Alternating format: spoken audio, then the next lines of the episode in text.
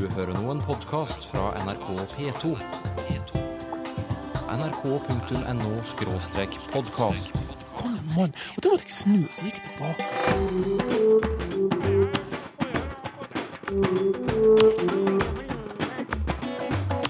Kjør det vålegale, kjør det mykje, vålegale, kjør det mykje. I dag skal du få høre om et språklig krumspring som kan bli skjebnesvangert for et gammelt familienavn på Jæren. Ja, det er nok siste generasjon. Det var en amerikansk TV-serie som starta det hele. Nå har store deler av slekta skifta navn. Er det sant at det heter Buseneset? Po har servert oss stedsnavn vi ikke trodde før vi så det i høst. Bestemorhøle? Syltevoppa? Fisebu? Men ett mysterium klarte ikke Gøril Grov Sørdal å løse. Da er spørsmålet kan du hjelpe? Vel møtt til Språkteigen. Noen ganger gjør altså språket et krumspring som får store konsekvenser. Og akkurat det skjedde med en familie på Jæren da en helt spesiell TV-serie ble vist på NRK på begynnelsen av 80-tallet. Da fikk gårdsnavnet og familienavnet de har hatt i generasjoner, et nytt og helt uventa innhold.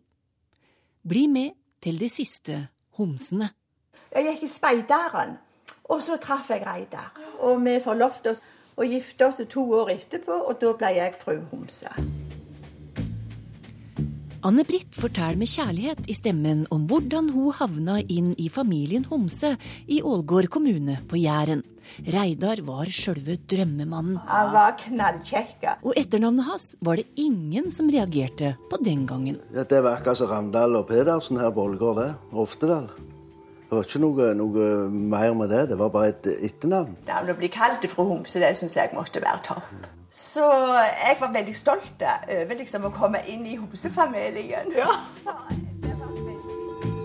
Familienavnet har dem fra plassen de kommer fra. Min farfar og, og sånn så kommer fra, fra gården Homse i Hå kommune.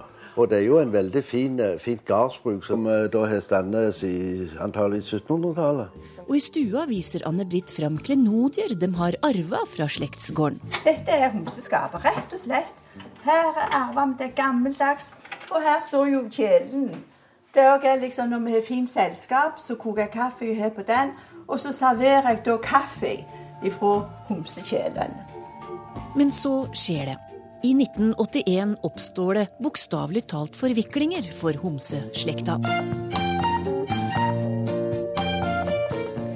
Det året ruller den amerikanske såpesatiren Forviklinger, eller Soap, over norske TV-skjermer. En serie og familien Homse likte å se på. Ja, vi gjorde vel det, for det, det var ikke så mye annet. Det var spennende for oss å få inn det der Amerika. Og... This is the story of two sisters, Jessica Tate and Mary Campbell. I serien spilte Billy Crystal homofile Jodie, og NRKs tekstekontor oversatte for første gang det engelske ordet gay med nettopp homse. Og homsene i Ålgård satt forundra tilbake. Ja, jeg husker det veldig godt. Jeg kjente det liksom. Jeg stokk, og så kjente jeg Hva er det de oversetter?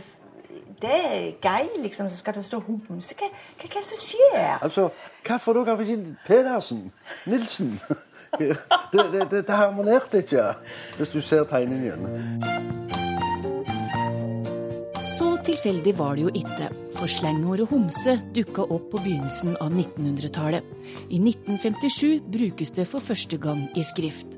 I boka Vi som føler annerledes. For homseslekta føltes familienavnet med ett så annerledes. Det var da det skjedde noe med navnet, ja. ja. Da ble det servert på skjermen til, i, i skriftsform over hele Kan være at det har blitt sett på gjerne som en belastning, belastning. Da unga vokste til, ville de skifte navn. Anne-Britt var nødt til å skifte, for de fikk ikke skifte alene siden de var 18 år. Det fikk de ikke lov til, så da måtte en av de foresatte òg skifte. Og jeg var jo gammel og sta, så jeg, jeg ville ikke bytte. Men generelt sett så, så, så er jeg ikke noe, noe, noe plage med det. Det tror jeg ikke det er noen av oss eh, som er igjen, for å si det sånn. Det er jo Peder. Peder Homse. Peder Homse, ja. ja. Og der har du kona. Det er jo mordereider. Det er Laurense. Og hun heter Jessica. De en gang så tallrike homsene blir stadig færre. flere har skifta navn, og nå er det bare seks som bærer navnet. Så krumspringet i språket vårt kan bli skjebnesvangert for homsene. Ja, det er nok siste generasjonen. Men du kan si stedsnavnet som sådan. Opphavet det vil alltid eksistere. Hvordan du enn snur og vender på det. Det sa Reidar Homse. Gøril Grov Sørdal, hei sann. Hei. Etter denne runden av Nomino, er du stadig like forvirra over språket vårt? Uh, ja. I hvert fall uh, Ja, det er forviklinger både her og der med det språket vårt. Herlige land for noen krumspring. Men du er altså programleder for språkprogrammet Nomino på NRK1. Førstkommende tirsdag så avslutter du andre sesong, og det er der vi får møte homsefamilien, da. Ja. Og hva tenkte du første gang du hørte om dem? Jeg er litt barnslig kanskje, men jeg lo jo.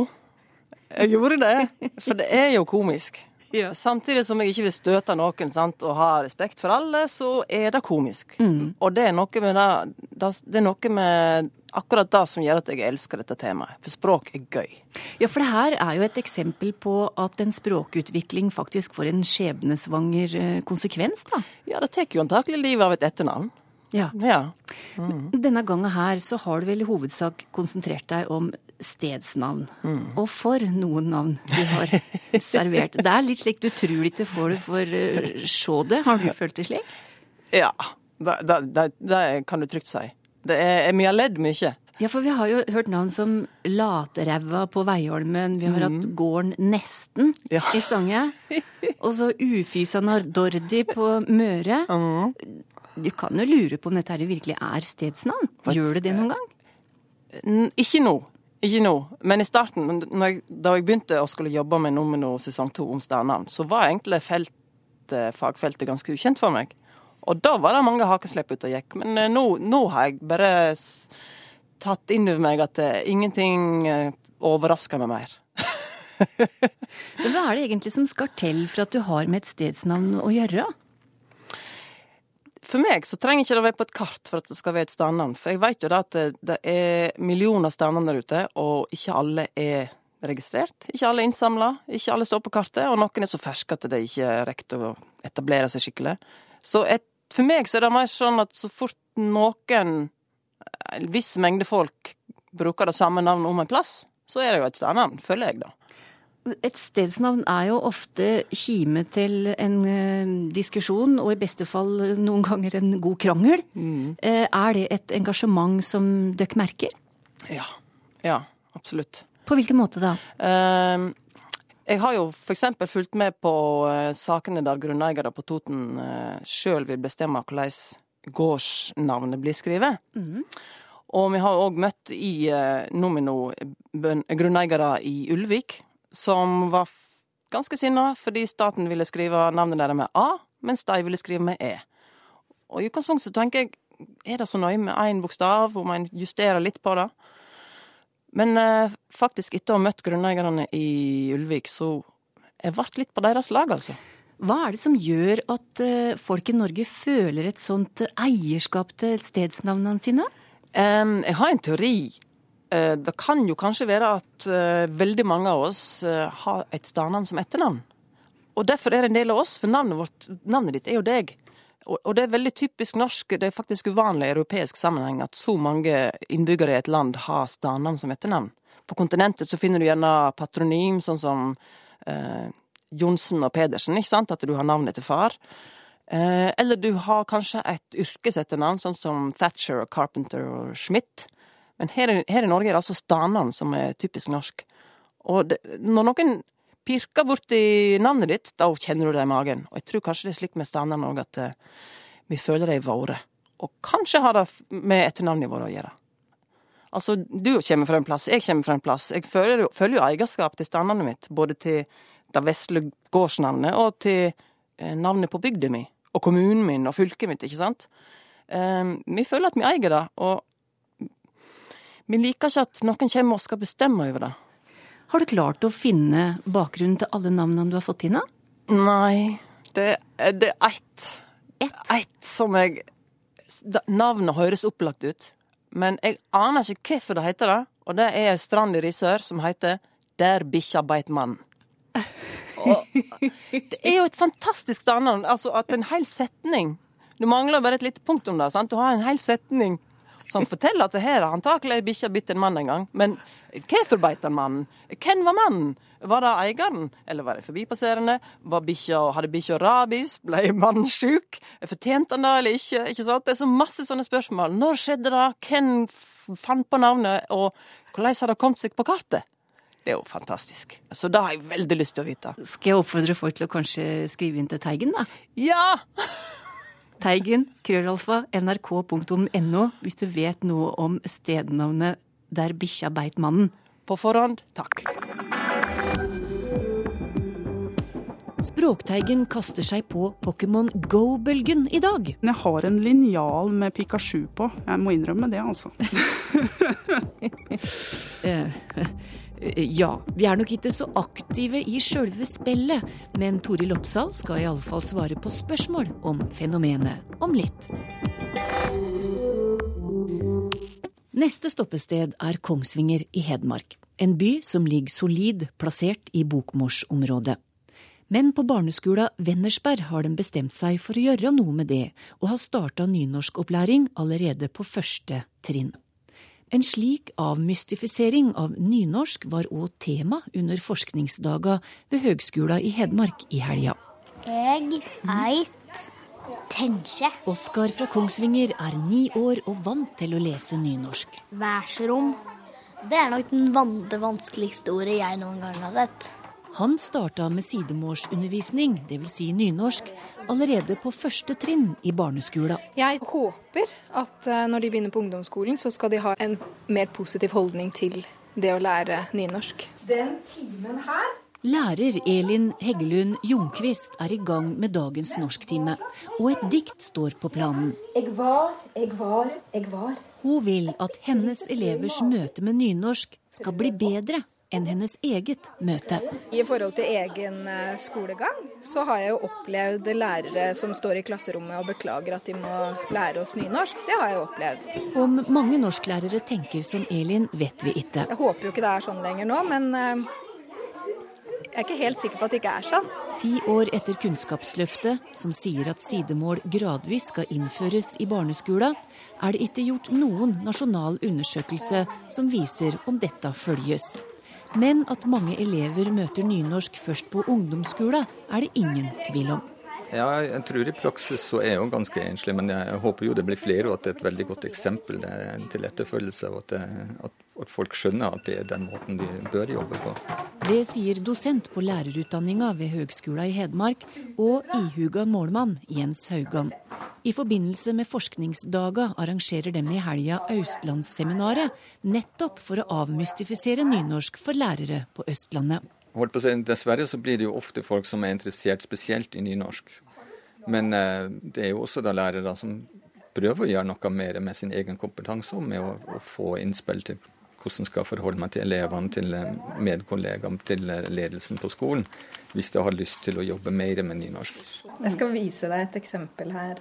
Elin fikk gehør for sine ideer, så i fjor satte hun i gang med sitt første prosjekt i tredjeklassen hun jobba i. Der jobba vi en hel uke med nynorsk. Og der eh, skrev vi nynorsk. Eh, de fikk skrive avskrift. De fikk eh, forske på teksten selv og plukke ut de ordene som var litt annerledes. Eh, de fikk male, tegne, og så ble det lagd en YouTube-film av prosjektet vårt. Jeg syns det er gøy. Kanskje litt vanskelig av og til. Superannerledes ord, f.eks. Det er en helt annen type norsk. Men du tenker ikke noen ganger jeg skulle ønske jeg slapp å lære dette her? Nei. Men jeg har en venn da som snakker nynorsk. Men han kommer bare i helgene, da, når jeg ikke har lekser. Så han kommer liksom for sent. Leksa til i morgen òg. Fanny Øydvin Lindmo og Oskar Mælum liker nynorsk. Hjalmar Eiksund ved Nynorsksenteret i Volda liker òg det han hører fra Kongsvinger. Han vet at flere lærere prøver ut sidemålsopplæring i barneskolen, men har ingen oversikt over omfanget. Hadde du en slags oppvåkning på dette her? Eller er du bare veldig pliktoppfyllende i forhold til læreplanen? Nei, det er ikke alltid jeg er det, altså. Ehm, Jeg syns det er spennende. Jeg, jeg liker språk, og jeg liker å utforske språk eh, sammen med ungene. Dere kan få gå ut og ta friminutt når dere er ferdig med å spise. Jens Haugan tror mange lærere føler det er vanskelig å komme i gang. Altså Det som er vanskelig, er jo at, eh, at mange lærere nok ikke føler de har den kompetansen. Altså Nettopp fordi at man har sjøl gått i det samme skolesystemet med de samme lærerne som har forholdt seg til sidemålet på en sånn måte at det ble noe som enten eh, føles unaturlig og som eh, blir veldig stemoderlig behandla, hvis de i det hele tatt blir behandla så har ikke de den kompetansen når de begynner på lærerutdanning sjøl. Og vi klarer ikke å gi dem den kompetansen i løpet av de få årene de er innenfor lærerutdanninga. Jeg tenker jo at det ikke er noe vanskelig, da. Men jeg tenker at vi kan gjøre det på en sånn måte som er morsom, og spennende og utforskende for elevene. Men har, er det noen av foreldrene som har reagert? Jeg har ikke fått én eneste negativ eh, reaksjon, verken fra eh, barna eller foreldrene. Og i år er Elin i gang med et nytt prosjekt. Å sette opp et skuespill som heter 'Menneskeungen og trollungen'. og Det skal vi framføre i februar, og det gleder vi oss til. På nynorsk? På nynorsk. Det sa lærer Elin Heggelund Jungquist. Og allerede i høst så starter Oskar, Fanny og de andre i fjerde klasse på Vennersberg å jobbe med skuespiller de skal framføre på nynorsk.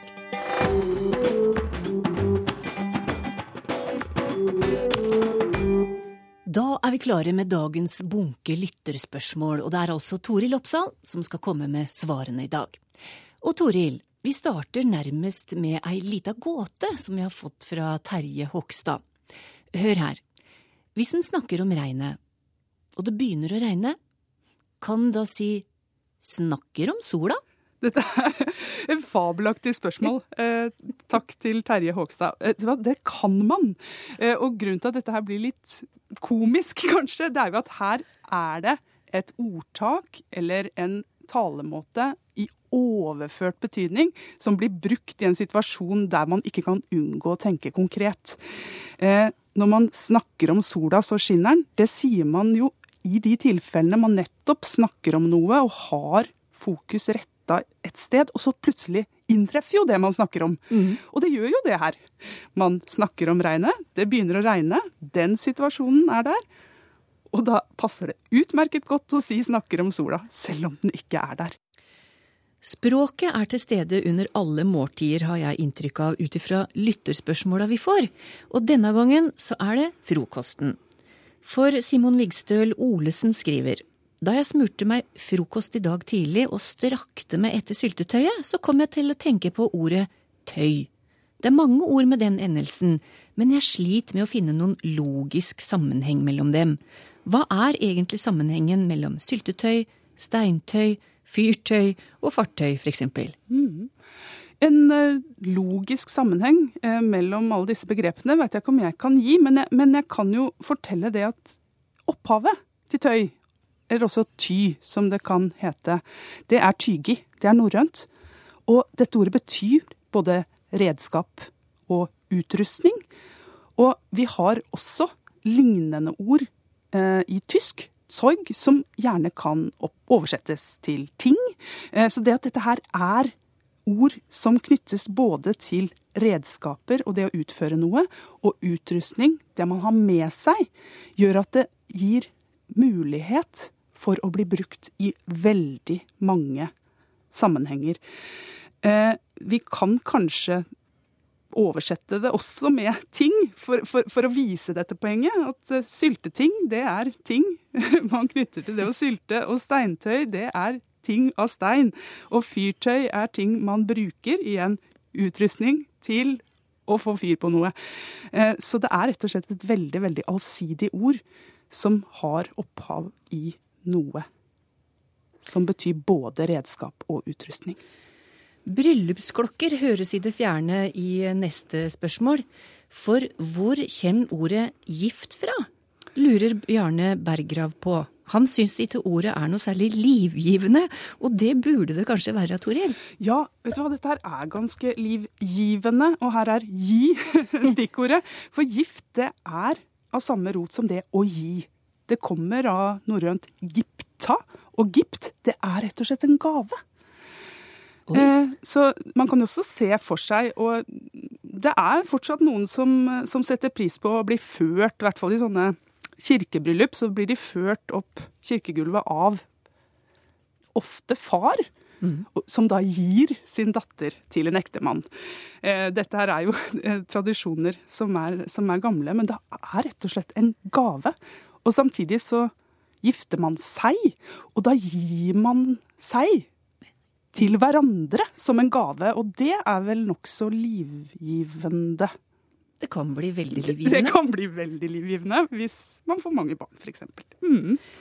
Reidun Rognli spør hva er opprinnelsen til ordet pårørende? Mm. Det er et uh, gammelt verb.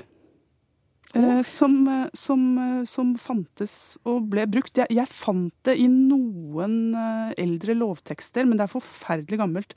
det betyr rett og slett altså verbet pårøre.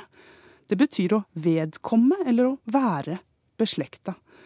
Eh, så vi har denne varianten pårørende igjen, og den er i levende bruk. Men den, den har jo en litt begrensa og spesifikk betydning, eh, mm. i den forstand at vi knytter det til situasjoner der det har, eh, ja, det har vært en ulykke eller et dødsfall har funnet sted. Så, så det er et alvorlig, alvorlig, ord, pårørende. Men i utgangspunktet så, så handler det om det det høres ut som.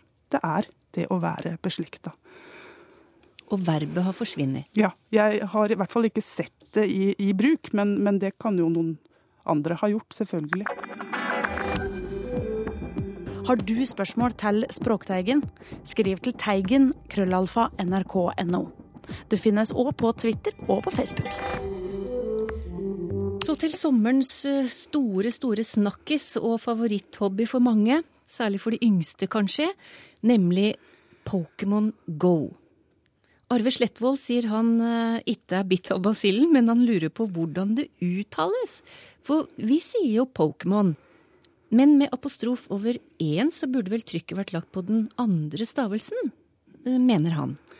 Ja, nå er vel denne lytteren uh, inne på Altså, vi ser for oss en logo hvor det står Pokémon. Mm. og der står det en stor apostrof, eller det står i hvert fall noe over én i denne logoen. Mm. Eh, og her kan ikke jeg gjøre så veldig mye annet enn å spekulere litt. Eh, og det jeg lurer på, er om denne står her for å gjøre oss oppmerksom på at det nettopp er tre stavelser. Eh, fordi engelskuttalen er jo også Pokémon. Og hvis ikke den sto der, så ville vi kanskje funnet det naturlig å si Pokémon. Mm. Eh, og opphavet til Pokémon, det er jo visstnok pocketmonster. Dette her er lommemonstre. Så der har du pokke, og du har mon. Eh, japansk er ikke min ting, så det kan jeg ikke, ikke uttale meg om. Men, men eh, jeg, jeg, mistenker at eh, denne markeringen av e-en er der for å understøtte at det er tre stavelser. Og så får du også løfta fram denne pocketmonster-tankegangen samtidig. Jakter du på pocketmonster, Toril? Eh, jeg gjør ikke det nå, men jeg har en linjal med Pikachu på. Jeg må innrømme det, altså. Omkalfatring blir brukt her i Rogaland om endringer, skriver Knut Georg Nilsen. Men hva er bakgrunnen for det ordet? Eh, omkalfatring det er eh, ikke bare brukt i Rogaland. Eh, vi har, har, det i allmenn bruk, men kanskje særlig i Rogaland. Eh, det høres eh, interessant ut. Men jeg, jeg, var ikke klar over det, men det, det er moro. Altså, kalfattere. Hvis det er, det er verbet her. Det er verb. det er faktisk et verb. Eh, det har mange betydninger, men her mistenker jeg at det er den betydningen som er henta fra sjølivet og sjømannslivet vi skal ta utgangspunkt i. Eh, fordi her handler det å kalle fattere, det handler om å tette en skuteside eller et dekk. Eh, med eh, tjære, f.eks. Og dette her har en parallell i arabisk. Et ord som høres veldig ut som kalfattere, som nettopp betyr å tjærebre et skip. Eh, og når du har fått reparert skipet ditt, så er det klart til ny dyst. Så her har du rett og slett muligheten til å ta fatt på nytt og foreta en endring og få en ny start.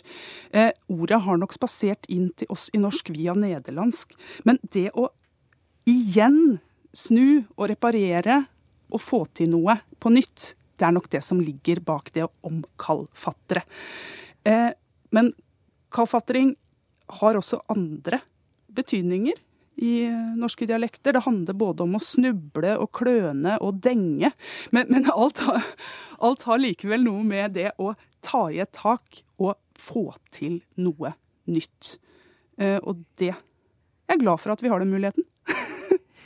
Iver Sørdal har lagt merke til at gladsaker i aviser gjerne kan portrettere folk og beskrive dem i positive vendinger som smørblide.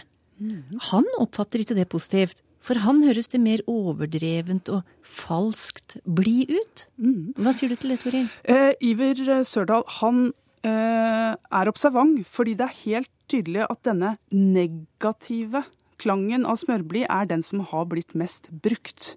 Og av det jeg har klart å finne når jeg har gått gjennom noen, noen, eh, noen korpus og tekstsamlinger, så er det den negative. Men begge betydningene, både den overdrevent blide og den svært blide, er tilgjengelige. Og det ser du også eh, i håndordbøker. Så står det veldig ofte overdrevet og eh, Unnskyld, det står svært og ofte overdrevet blid.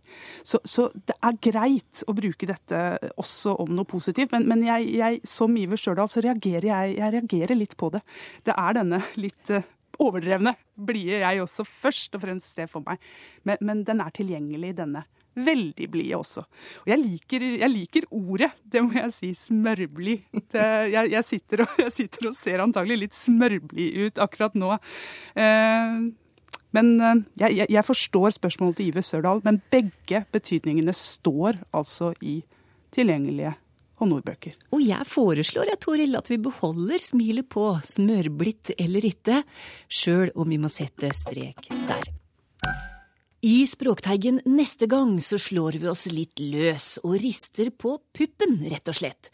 Eller som det òg kan hete Deier, dæt, deit, deta og deite. Alt av et brev fra en veldig språkinteressert ammehjelper. Og når vi først var inne på temaet, ja, så tok det litt av. Den her skørru, da, som vi vil kalle det imellom brøsta, den het for geitveita. Eller uh, på engelsk uh, Happy Valley, eller også Silicon Valley, har jeg da hørt om det der. Mer om det i Språkteigen neste gang. Vi høres. nrk.no podkast.